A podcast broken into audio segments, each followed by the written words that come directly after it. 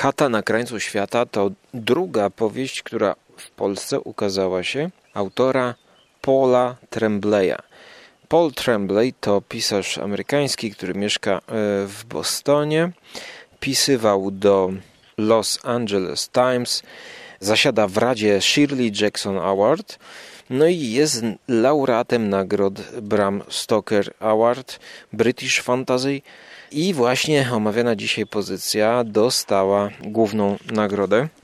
Bram Stoker Awards winner za powieść. Wydał to w Polsce Vesper. Gruba, twarda okładka.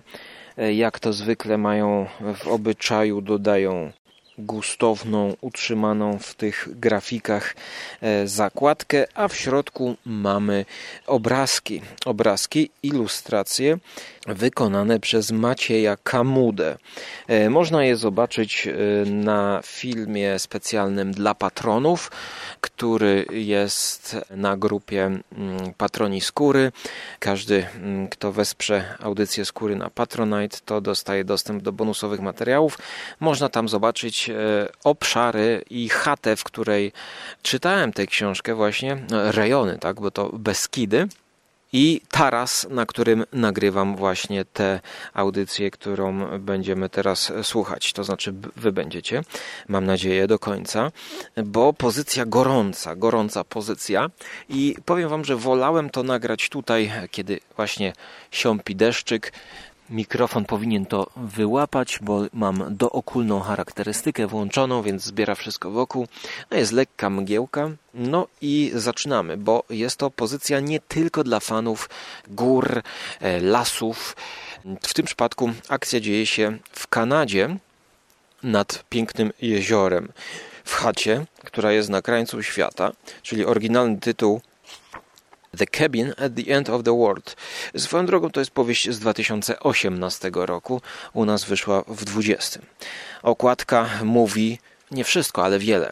E, chata, taka leśna chata, zamknięta w słoiku, a w tle cztery sylwetki, niczym groźni jeźdźcy apokalipsy. I to porównanie nie jest bez sensu, dlatego że już sam wydawca pisze na, na okładce – tak zaczyna się trzymająca w napięciu, porywająca opowieść o apokalipsie, poświęceniu i przetrwaniu. Historia, w której los kochającej się rodziny spleciony zostaje z losem całej ludzkości. No, kontrowersja na kontrowersji, powiedziałbym, ponieważ to z tyłu, tutaj co jest napisane o tej apokalipsie, no to no, no, no ja nie wiem, jak można tak psuć. Jak można tak psuć ludziom pierwsze 100 stron, że tam 110 stron, a poza tym no, no, no, to jest w ogóle materiał na e, osobną dyskusję. Ponieważ nie będę czytał może tutaj całego tego opisu na okładce z tyłu, e, bo to jest streszczenie, streszczenie tego, co się dzieje. Więc w mojej ocenie, mm, jeżeli chcielibyście się za to zabierać, to sama ekspozycja tego, czyli sam pomysł, jest następujący. Otóż homoseksualne małżeństwo wychowujące wziętą z adopcji Chinkę na swojej wyprawie, chyba w Chinach byli właśnie, zaadoptowali tam dziewczynę do ich mieszkania, do ich wynajętego domku właśnie na wakacjach, gdzie są odcięci od zasięgu telefonicznego, co znacznie tutaj będzie ułatwiać, no ale właśnie oni po to pojechali, żeby się oderwać od miasta. Pukają tam czterej jeźdźcy. No, czterech dziwnych, przebranych za miejscowych ludzi tam puka. I to jest ten początek, to jest pierwsze powiedzmy 30 stron. I to jest dla mnie ekspozycja już, która nas wprowadza jakby w, w dany typ narracji, w dany typ wydarzeń i w typ fabuły. Po prostu jest to opowieść z cyklu Pojechali do domku na wakacje. I co dalej się wydarzyło? No, to jest powieść postmodernistyczna, więc autor przez pierwsze 100 20 stron, czy 110 może bardziej, prowadzi narrację tak, żebyśmy nie wiedzieli, w którą stronę to zmierza. Te pierwsze 100 stron jest według mnie znakomite. Potem niestety idzie to w, w kierunku stricte określonym, który znamy z dziesiątek produkcji filmowych, który znamy z książek typu Jack Ketchum i Poza sezonem, ale autor Paul Tremblay, który napisał to w czasie teraźniejszym, tak jak scenariusz filmowy. To się czyta wręcz tak, jakby autor chciał, żeby to ktoś zekranizował, i to, myślę, jest kolejny krok, e, w jakim może potoczyć się kariera chaty na krańcu świata. Eee, ponieważ myślę, że ktoś to będzie chciał zekranizować, gdyż tutaj ten publicystyczny element pojawia się właśnie w nawiązaniu, e, nawiązanie to w ogóle za mało powiedziane, e, w osadzeniu w głównych rolach pary gejów, którzy wychowują mm, chińską dziewczynkę Wen. Więc mamy tutaj siedmiu bohaterów. Wen, i Erika i Andrew. Erik i Andrew. Jeden łysy, a drugi z długimi włosami, bardziej umysł matematyczny, a drugi łysawy, e, bardziej taki ten Erik łysawy, on jest taki bardziej uczuciowy i notabene jest katolikiem. I to też ma, e, chociaż katolikiem takim mm, zmagającym się ze swoją wiarą, ale to też nie jest na siłę wprowadzone do tej narracji, bo to też będzie miało swoje rozwinięcie e, w dalszej części fabuły. Więc pierwsze, co ja usłyszałem o tej książce, to czy co to w ogóle jest za manewr, prawda, żeby gejów wysyłać na e, chatę na końcu świata. E, no i tutaj jest to zrobione naprawdę z pomysłem. Jest to zrobione z pomysłem. No niestety, jeszcze tak niespoilerowo mówiąc, bo chcę utrzymać się jak najdłużej w, w napięciu i w zaciekawieniu was, tak jak mnie ta powieść trzymała, bo w tych warunkach i w tym enturażu, jakie na filmiku są, to przeczytałem, no dziennie tak czytałem 70-80 stron. Na przemian uwaga, z domem na wyrębach, słuchając znakomitego audiobooka Wiktora Zborowskiego. No jeszcze dom na wyrębach kończę, więc jak teraz to do Was nagrywam, to mogę obiecać, że pojawi się również e, podcast e, Dom na wyrębach Stefana Dardy. Ale wracając do chaty na krańcu świata, jest to powieść, e, powieść niespoilerowo mówiąc, która zmierza w stronę, no, i rozwałki w stronę horroru, choć początkowo próbuje udawać, że tak nie jest. Znaczy, udawać, może to złe słowo użyte. Próbuje rozszerzać swoje pole możliwości, w jaki pójdzie ten setup. Bo jeżeli ja wam zdradzę już kolejny fragment tej ekspozycji, że ta czwórka ludzi ubrana jest w jeansy, amerykańskie typowe jeansy, robocze buty i koszule flanelowe w kratę. Ale każda z tych postaci ma inny kolor. E, jest, są tam dwie kobiety i dwóch mężczyzn. Jeden kolor ma czerwony, taki jak drwal, babeczka ma, e, e, chyba Adriana tam ma na imię dziewczyna, więc ma e, czarno-białą kratę. Już wyobrażacie sobie tę czwórkę, prawda? Opuszczony dom nad jeziorem, gdzie e, kolejna chatka to jest po przeciwległym brzegu, chatka pomalowana na niebiesko, więc żeby dotrzeć do jakichś sąsiadów, którzy nie wiadomo w ogóle czy wynajęli po drugiej części jeziora tę chatę, to trzeba by w, najszybciej wpław przepłynąć. Więc w takim setupie, jeżeli widzicie czterech ludzi identycznie ubranych, z dziwnymi narzędziami, jakie jacy przychodzą tam, a jak te narzędzia wyglądają? To są kijki, do których przytwierdzone są szpadel albo wielki młot. No to jeżeli my na początku tej książki widzimy właśnie e, tych ludzi, którzy przychodzą z takimi, nie wiem, szczerpcami dziwnymi, zrobionymi rodem troszkę z postapokaliptycznych filmów, z Mad Maxa, e, no to wiemy, że, znaczy wiemy, no nie wiemy, ale yy, czujemy, że mogą użyć tego młota, aby rozłupać komuś głowę, prawda? Ja powiem wam jeszcze więcej, nie zdradzając, nie zdradzając tyle, że to będzie o apokalipsie, no a może dojdę do tego punktu e, stycznego, w którym to z każdą czytaną stroną czytelnik decyduje, czy to jest o apokalipsie, czy to nie jest o apokalipsie, czy to pójdzie w tę stronę i to jest naprawdę o apokalipsie, czy to nie jest o apokalipsie. Ponieważ nasza parka zabawia się na tarasie, a właściwie opala się. Przekomarzają się, flirtują, jakaś tam rozmowa trwa, a dziewczynka Wen bawi się z drugiej strony chaty, od strony drogi. Tam stoi ich samochód i ona tam łapie świerszcze. Świerszcze łapie w okładkowy słoik, w którym to okładkowym słoiku schowana jest chata. I ona ma w, e, w tym dęku zrobione dziurki, no i tam te świerszcze kolekcjonuje. Robi również notatnik, prowadzi notatnik, gdzie ma siedem świerszczy, y, którym nadaje imiona.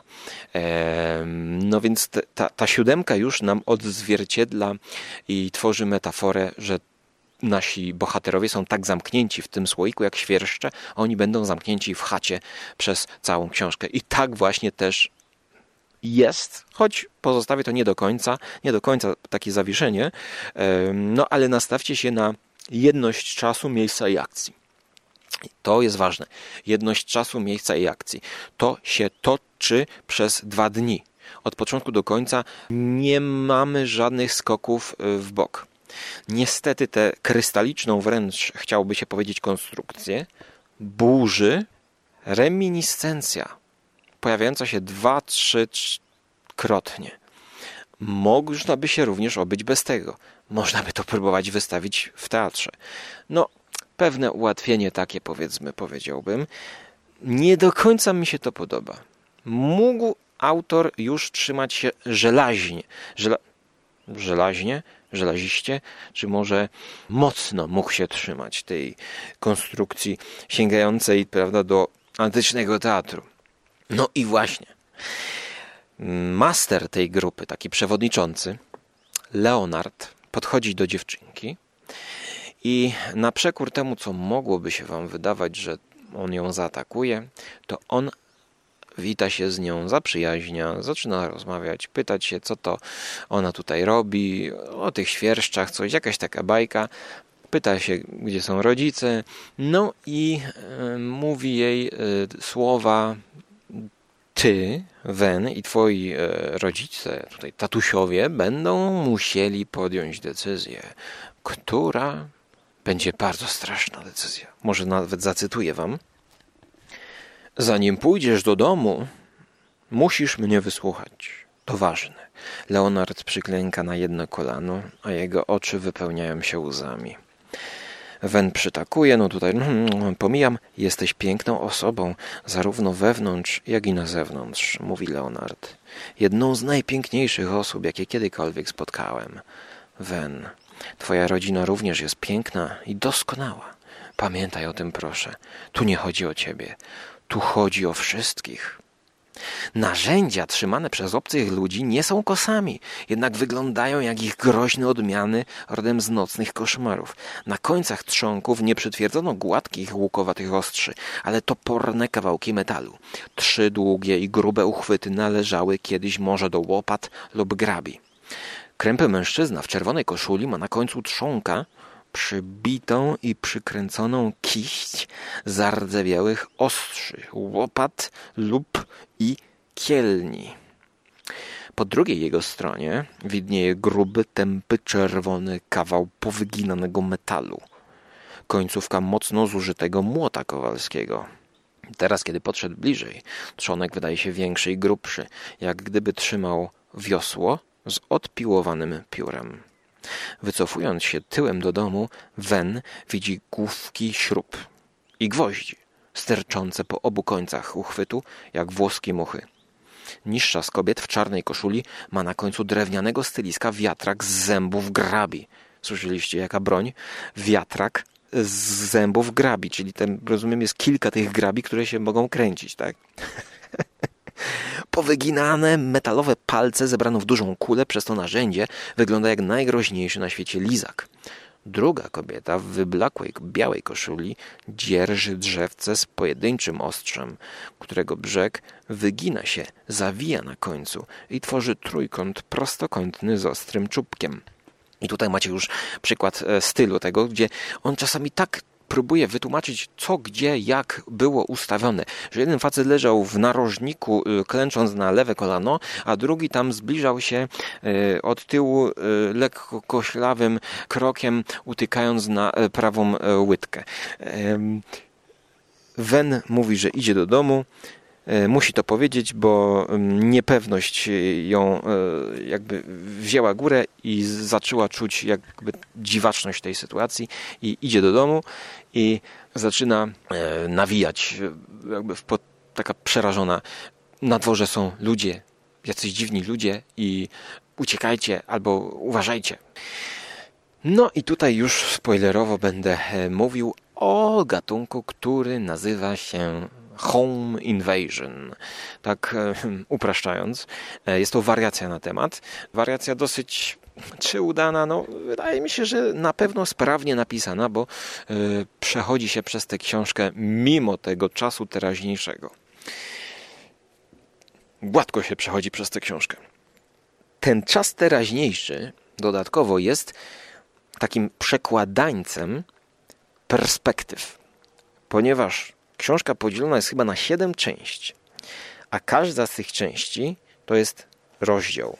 Pierwszy rozdział zaczyna się rozdział mm, opisany przez taką wstęgę, na której są dwa świerszcze. I te dwa świerszcze skierowane są do napisu przybądź i zobacz. I w środku jest jeden, czyli jeden i wen. I teraz jest wen. I my w tym rozdziale o tytule Wen obserwujemy narrację z perspektywy Wen. To nie jest pierwszoosobowa narracja, tylko to jest mój. W czasie teraźniejszym pisze narrator. Wen robi, Wen otwiera wieczko, Wen e, wkłada świerszcza, Wen zapisuje jego imię i nazwisko świerszcza. O to chodzi. I teraz następny rozdział to jest już, a właściwie Erik i przenosimy się na ten taras, gdzie siedzą chłopaki i nagle do nich wchodzi Wen. I z ich perspektywy zaczynamy postrzegać e, e, całą narrację, tak? Ale cały czas znowu jest to, że Erik siedzi. Erik mówi do Andrew, e, zrób mi tam mojito na przykład. I tak to się toczy i zazębia. Czasami to się wręcz zazębia w taki sposób, że koniec rozdziału jakieś słowa, ważne słowa e, z dialogu, słyszymy drugi raz, znaczy czytamy drugi raz w zmianie perspektywy. Aczkolwiek jest to zrobione nie po to, żeby dać nam jakąś nową perspektywę na te wydarzenia, tylko ten manewr ma za zadanie jeszcze podkreślić jedność czasu, miejsca i akcji. Dlatego, że to jest tylko jedno zdanie. I ta nowa perspektywa nie wnosi nic nowego do tej narracji. No i teraz e, mogą być lekkie spoilery, aczkolwiek zakończenia nie będę zdradzał. E, no, już 20 minut na liczniku. Ja mam herbatę. Może w tle słyszeliście pyknięcie pieca, piekarnika takiego przenośnego, który tutaj jest podłączony. Ja pozwolę sobie to na waszych uszach otworzyć i zobaczyć, czy tutaj taki pasztecik ze, szpi ze szpinakiem Dobra, jest. Pasztecik, jeszcze mu damy. Damy mu trochę czasu. I ten tykający zegar, niczym tykająca bomba, niech nawiązuje do tykającej bomby w powieści Paula Trembleya, który swoją poprzednią wydaną w Polsce powieść Głowa pełna duchów też napisał w takiej formie czasu, tak? czyli czas teraźniejszy, jakbyśmy czytali scenariusz filmowy. Co to jest za powieść? Od razu Wam powiem, że jest to realizm magiczny. E, realizm magiczny, e, który tutaj jest wprowadzony w bardzo sprytny sposób. To jest tak sprytny sposób wprowadzony, znaczy wprowadzony. Miałem dwie opcje, jak nagrywać ten podcast: albo w domu, na spokojnie, albo na bieżąco. E, chciałem jeszcze zrobić taki wtrend na temat tego, jak ta książka była recenzowana przez jeden z największych w Polsce kanałów e, poświęconych książkom, który jest prowadzony przez dwie takie dziewczynki, jedną starszą, która studiuje, drugą młodszą, i przez rodzinę, tak, matka e, z ojcem też się pojawiają i czytają książki, i oni tak dużo książek pokazują. No i od wydawnictwa Vesper właśnie ta książka została do nich wysłana i zabrała się za nią ta starsza e, dziewczyna, która no, podejrzewam w popkulturze tej współczesnej e, siedzi. E, no chociaż Harry'ego Pottera fankami on, one są obydwo, obydwie. Natomiast pamiętam i tutaj przepraszam za cytat z pamięci, ale to właśnie chciałem poruszyć, bo, bo to jest ważne dla postrzegania tej książki, być może we współczesnych recenzjach. Ona powiedziała, że bardzo wolno toczy się narracja, że na początku nic się nie dzieje. No i tutaj musiałbym się nie zgodzić, że nic się nie dzieje, bo tutaj właśnie dzieje się cały czas. Ja bym, jeżeli miałbym już skracać, to może wyciąłbym, nie wiem, 10 stron maksymalnie. Trochę miejscami czuć, że on przedłuża napięcie. Tak, no 10 stron można by rzeczywiście wyciąć, ale to chodzi o, o dialogi, że, że czujemy, że on przedłuża ten moment, kiedy dowiemy się, o co im chodzi tym przybyszom. Co oni chcą, po co oni tutaj przyszli no jakiś kult, prawda? Czterej leśców apokalipsy, no to się jakoś wiąże, ale oni mają jakieś wymagania. Więc ja teraz przechodzę na dalszy stopień spoilera. Zaraz przejdę na dalszy stopień spoilera, ale najpierw wam powiem jeszcze, dlaczego to jest realizm magiczny. Oczywiście Home Invasion łamane przez realizm magiczny, tak o Home Invasion w e, gatunku realizmu magicznego. E, słuchajcie, ten Andrew, ten taki umysł bardziej matematyczny, on jest wykładowcą. On prowadzi e, na swojej tam katedrze wykłady o apokaliptycznych wizjach świata, gdzie analizuje na przykład no, Biblię, postapokaliptyczną literaturę, wykłada. Obecnie, kiedy siedzi z Erikiem na tym tarasie, słońce grzeje, to czyta książkę o, realiz, o, re, o realistach magicznych. Tak? O, o, dokładnie chyba czyta książkę o Gabrielu Garcia Marquezie. I ta książka wraca. Mm, wraca w drugiej połowie książki, znaczy właściwie w, w drugim akcie, kiedy jest, nazwijmy to, pandemonium, kiedy jest stół przewrócony i kiedy ta noga jest wyłamana i jedna z postaci chce podeprzeć książką nogę. I jest tam jakaś książka mm, z zupełnie innej bajki. Książka, która jest określona, no nie zaznaczyłem, która jest określona jako typowy thriller, gdzie e, ludzie próbują uciec. I ta książka jest za gruba albo za cienka. I, i ten stół nadal się chybota. No i postać bierze drugą książkę, którą jest właśnie e, o realistach magicznych Gabriel Garcia, Garcia Marquez, podkłada i ten stół pasuje perfekcyjnie, jest napisany. No tak więc właśnie w ten e, taki e, sposób autor ewidentnie mówi, słuchaj, słuchajcie, klucz realizmu magicznego pasuje do interpretacji tej powieści. E, tak więc no, taki motyw, który w filmie też by się sprawdził. Brawo, brawo. E, i, I prawda, i, i, i rzeczywiście, jakbym zdradził końcówkę, no to właśnie jest to e, realizm magiczny. Ale teraz przechodzę do dalszego stopnia spoilera, już jak obiecałem.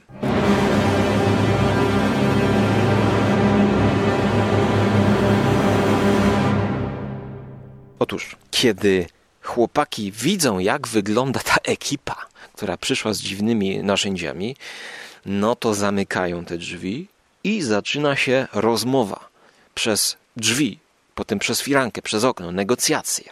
I nad czym polegają one? Czterej leźców apokalipsy mówi im, żeby ich wpuścili. No i oni ich nie chcą wpuścić. I to jest jakby już pierwsze spięcie, tak? Pierwszy element thrillera. Oni się tam barykadują, a tamci jednak wchodzą. I teraz mamy takie cięcie montażowe, które mnie się nie podoba i jest pójściem na sporą łatwiznę, ponieważ po tym pierwszym właśnie, po tej pierwszej rozrubie, kiedy oni się koniec końców no, dostają do środka, to my się jakby budzimy, jest takie cięcie ostre i nasi bohaterowie są związani. Eric Andrew jest związany.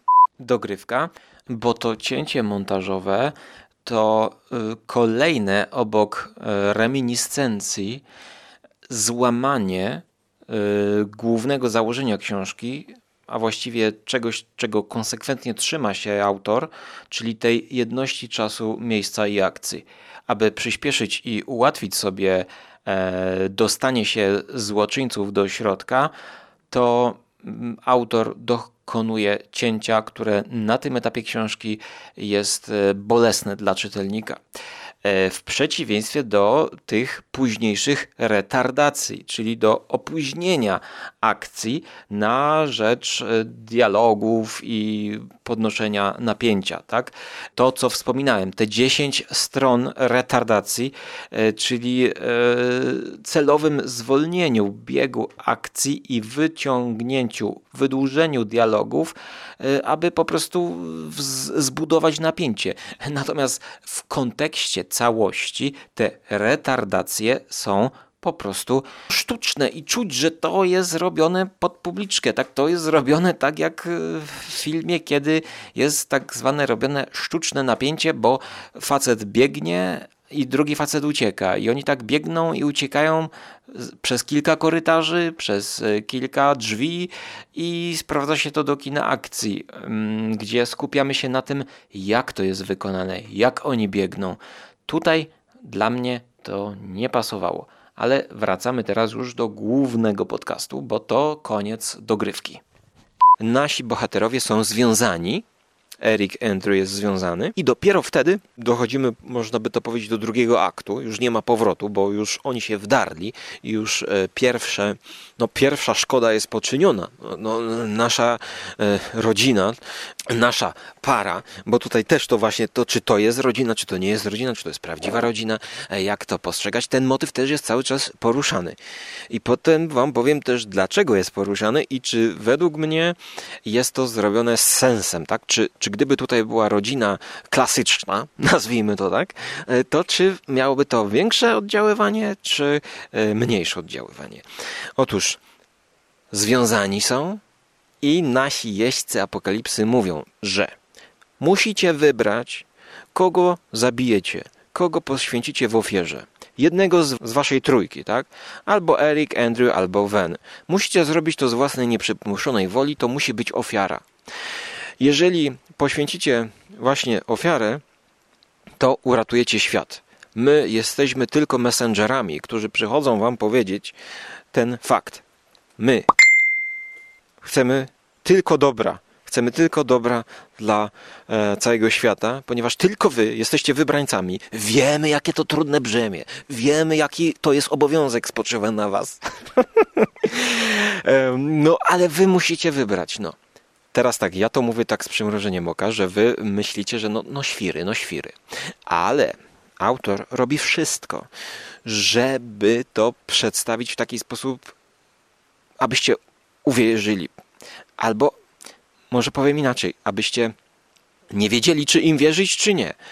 I w dużej części książki jemu się to udaje.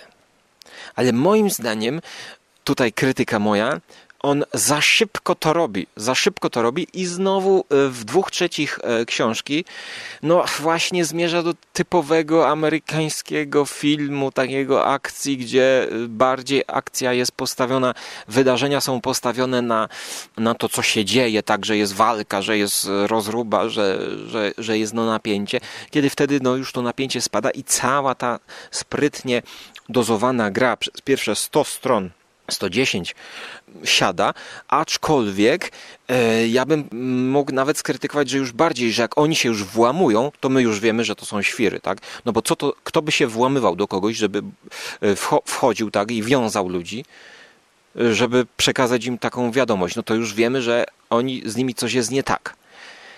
Nawet jak oni są związani, to autor nadal próbuje prowadzić narrację w taki sposób, że my im wręcz no, no, dopuszczamy do możliwości, że jest taka opcja, iż um, jak oni poświęcą kogoś i zabiją, no to uratują ten świat.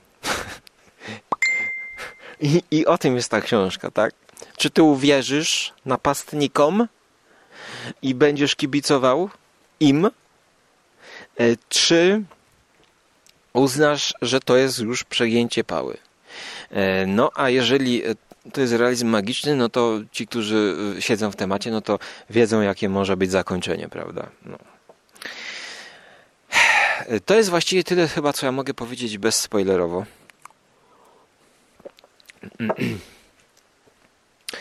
E, jaka jest moja ocena tej książki? A, jeszcze, jeszcze powiem o, o tym wątku homoseksualnym. Otóż on się ujawnia, e, jego sens ujawnia się w pewnej reminiscencji. I, i, I ja się cały czas zastanawiam, czy to byłoby lepsze, czy gorsze, ale na pewno jest to zrobione zmyślnie, dlatego że jedna z tych postaci, która przybywa do domku, jest oskarżona o y, homofobię a nawet też nie do końca właśnie oskarżona o homofobię, ponieważ w tej reminiscencji obserwujemy pewne starcie, pewną scysję, w której były zamieszane pewne osoby, tak? Tutaj jak najdalej od spoilerów próbuję być. I okazuje się, że być może tamta sytuacja właśnie może ma wpływ na całą tą akcję. Wręcz, wręcz mm, te nasze podejrzenia autor próbuje zbijać, że nie, nie, nie, nie, nie, to nie ma znaczenia, że wy jesteście gejami. Nie, nie, nie, nie, nie, nie mamy nic do gejów. Oni tam przychodzą. Ten Leonard, i to też jest i śmieszne, i to jest i groteskowe na początku, tak? Bo on mówi, jesteście doskonałą rodziną, nie mamy nic do gejów, nie? Ale musicie poświęcić jednego.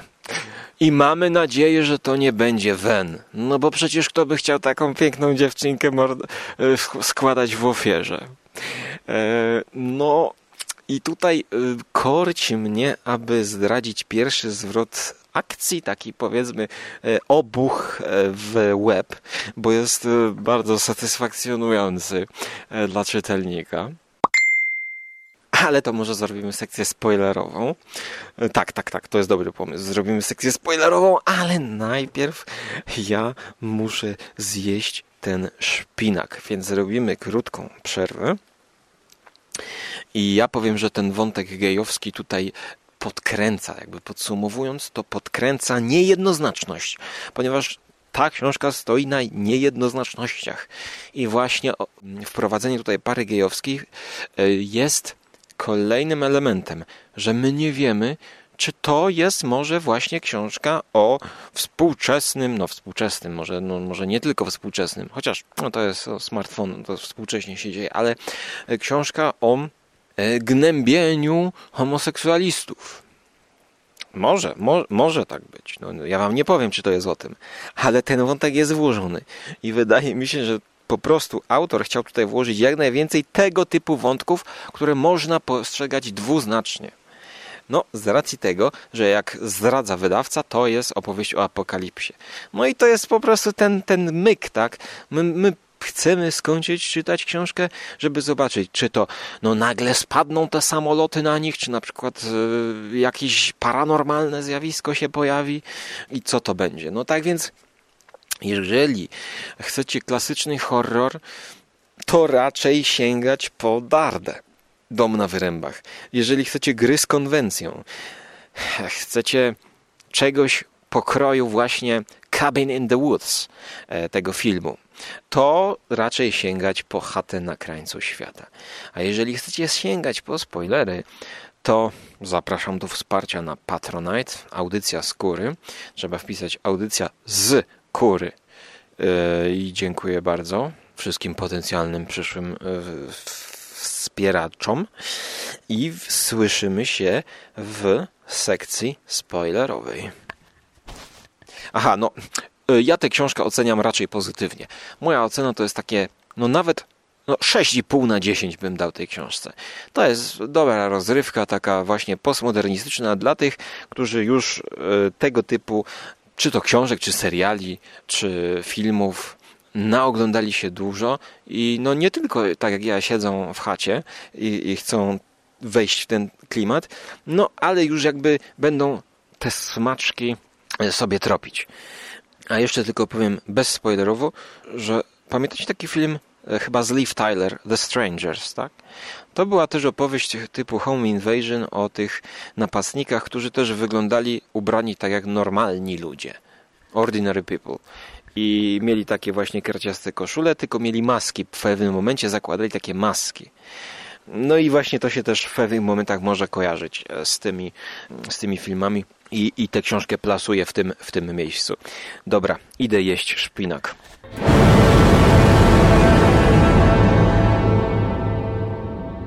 Byłem pewien, że tego dnia rano po raz ostatni widziałem Antoniego i żałowałem, że tak właśnie przyjdzie mi go zapamiętać.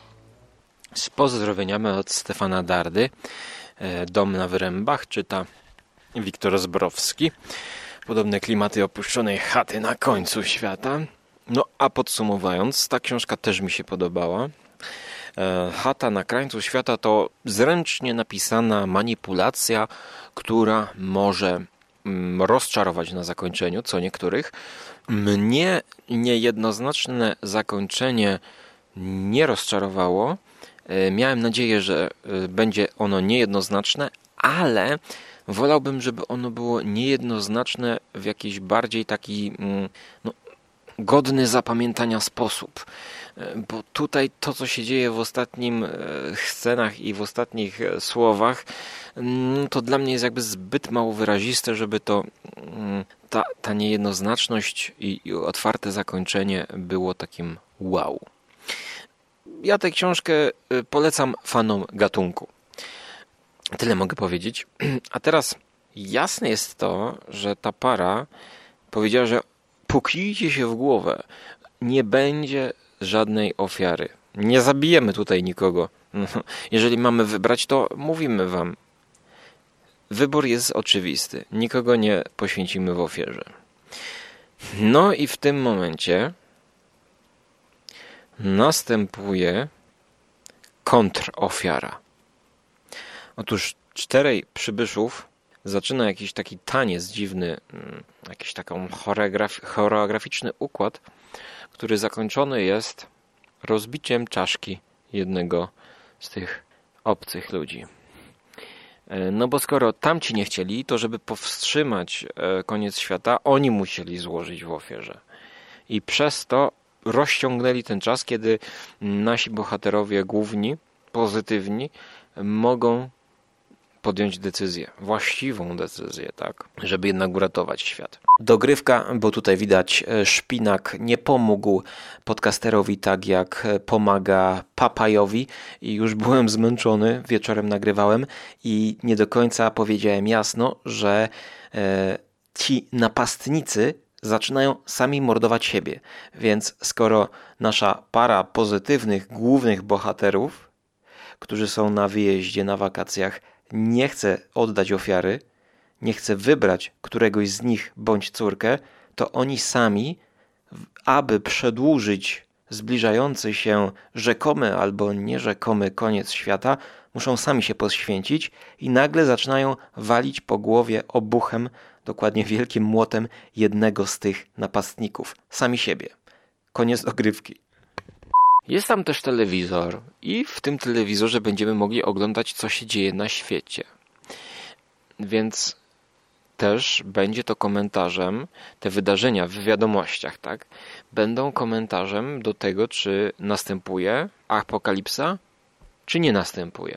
I teraz to, co będziemy widzieć na telewizorze w wiadomościach, bo ci, którzy przyszli, to chcą sprawdzić, prawda, czy ta ofiara z ich kolegi, tak, to działa, to będą oglądać te wiadomości i każdy z tych tam stron będzie miał inny ogląd tej sytuacji i ocenę.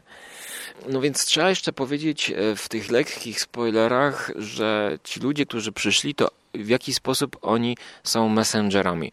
Oni opowiadają, jak się dowiedzieli, że mają to przekazać. Więc to są cztery osoby, które miały wizję.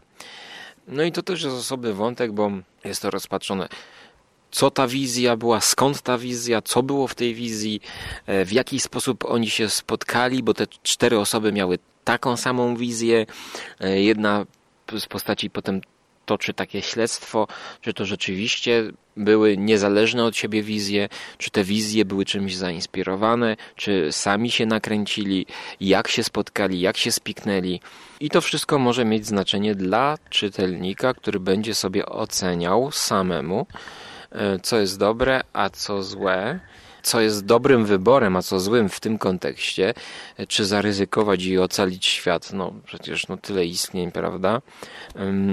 Czy, czy właśnie uwierzyć tym przybyszom, czy, czy jest to totalne szaleństwo? Myślę, że jest to taka rozrywkowa książka, która się nie nuży, nie, nie dłuży się. Czy chciałbym oglądać to na dużym ekranie?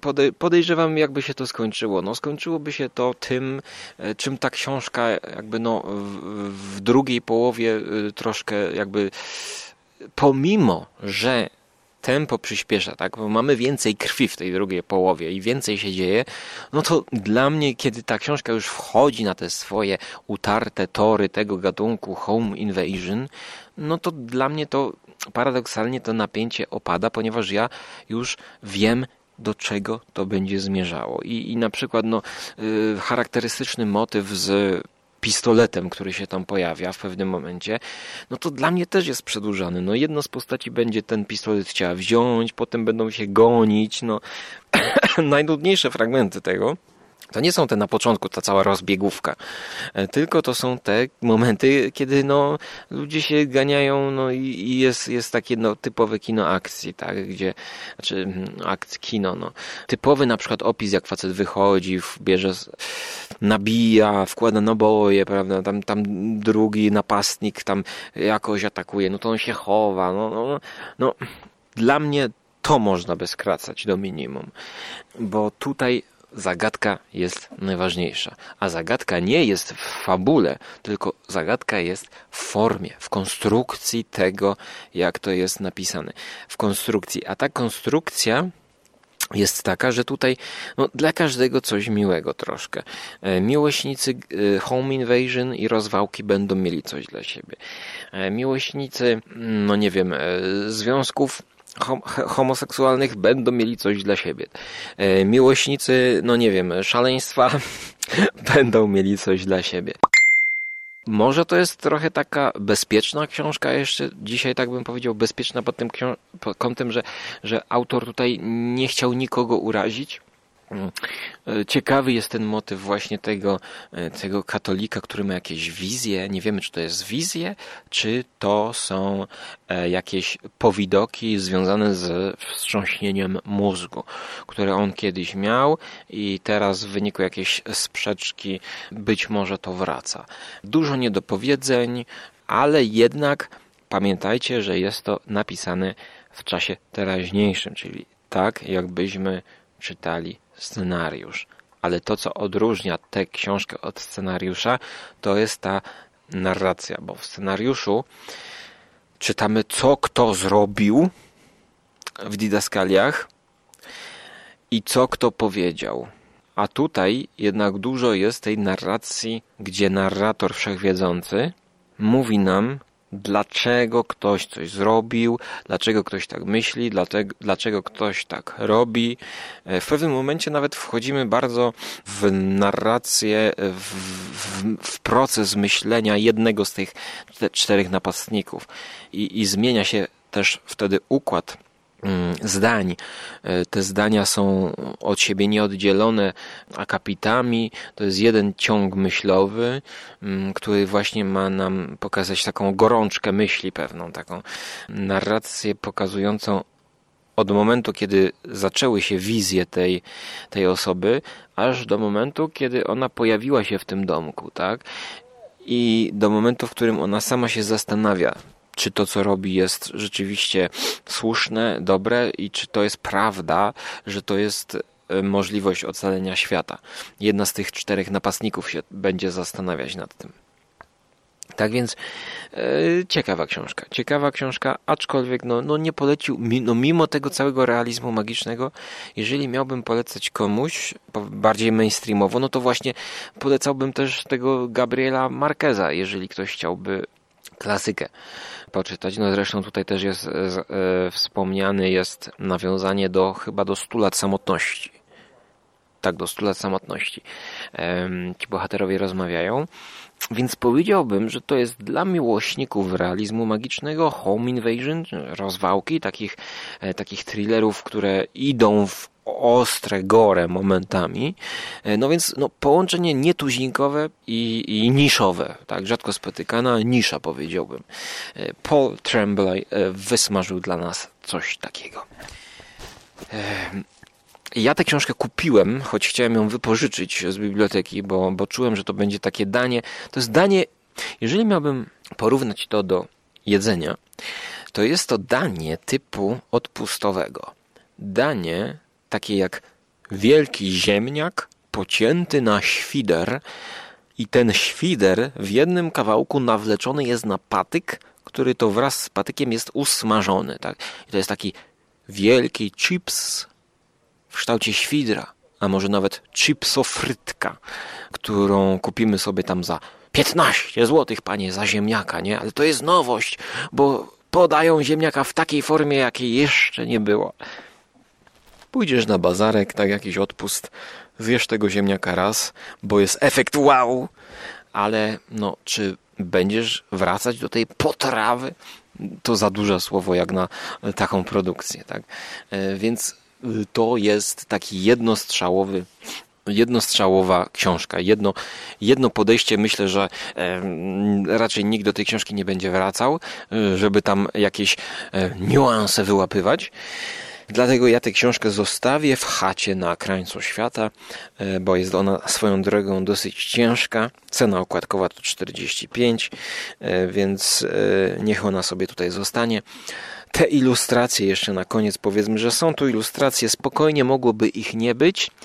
Plusem tych ilustracji jest to, że one nie spoilerują, więc nawet jak przejrzymy wszystko, to one nam nie zepsują zabawy, te ilustracje, mm, takie troszkę może rodem z ilustracji gdzieś kojarzę z, z, powiązane z e, e, Nilem Gaimanem, e, Koralina. Tak mi się to kojarzy. No, ni ziębi, ni parzy dla mnie. Więc, więc jeżeli to zbytnio nie podniosło ceny, no to jest jakiś tam aspekt dodany, e, raczej z myślą o czytelnikach Vespera, tak, bo jest i zakładka, tak jak Vesper próbuje robić te książki bardziej ekskluzyw. Natomiast mnie sama okładka się podoba i, i to będzie coś takiego, że jak ktoś kiedyś tutaj przyjedzie, nie, to nie mam co czytać, nie? Człowieku, wejdź na piętro i zobacz. Chata na krańcu świata czeka tam na ciebie. No a czy ty odważysz się wejść do tej chaty? To już zależy od ciebie, drogi słuchaczu. Trzymaj się. Zapraszam na Żarłok TV, na mój kanał YouTube'owy, gdzie będzie więcej ziemniaków, nie tylko obkręconych i obsmażonych. I do usłyszenia w przyszłości. Cześć.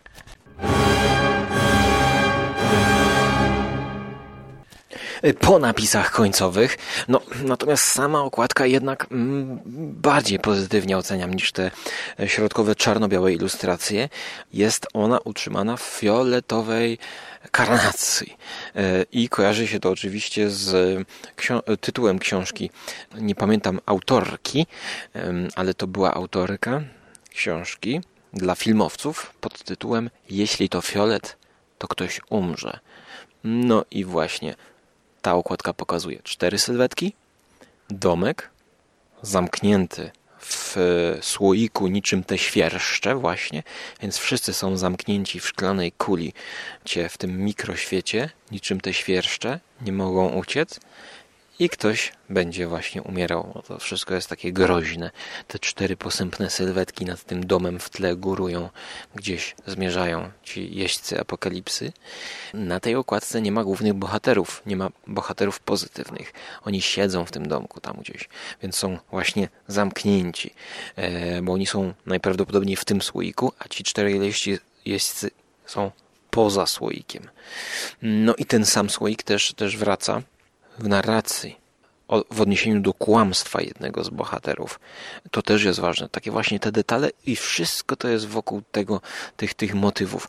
E, motywy, metafory jasne i czytelne są i cieszy, że autor jakby no, trzy, prób, próbuje, o może powiem, próbuje to utrzymać w ryzach i chciałby chyba, żeby to był jakiś taki kryształ e, w, te, w, tym, w tej konwencji, w tym gatunku. No, ja jestem ciekawy jeszcze e, na, na jakieś recenzje, takie, takie bardziej właśnie merytoryczne. Jeżeli ktoś coś napisze, nagra, to z chęcią przeczytam. Ale, ale ta książka też nie będzie miała większego odzewu, znaczy odbioru większego w mainstreamie, bo bo autor jest klasyfikowany raczej jako właśnie twórca pisarz horrorów, ta głowa pełna duchów, no sam tytuł już, prawda, głowa pełna duchów. No więc, no, no a, a pewnymi, no to horror jako taki nie jest, no, bo to jest gore, no, no tutaj będziemy się spierać, prawda, czy mm, gore to jest horror, samo gore, no, no po prostu, więc to jest, to jest gore, no a ta apokalipsa, to też, jeżeli mówimy, że no nie wiadomo, czy ta apokalipsa w końcu jest, czy jej nie ma i to zależy od interpretacji czytelnika, to jak kwas, kwa, kwalifikować, klasyfikować tę książkę, bo te, to też jest pytanie, zagadka. No ale zwróćcie uwagę, że to wychodzi w serii horrorowej Vespera, a nie wychodzi to powiedzmy, nie wiem, w niszowym w wydawnictwie Literatura na świecie, albo w charakter tego nie wydaje obok e, prozy iberoamerykańskiej. Więc, więc no, Wydaje mi się, że targetem jest tutaj jakby y, wykształcony od strony tego realizmu magicznego miłośnik horrorów.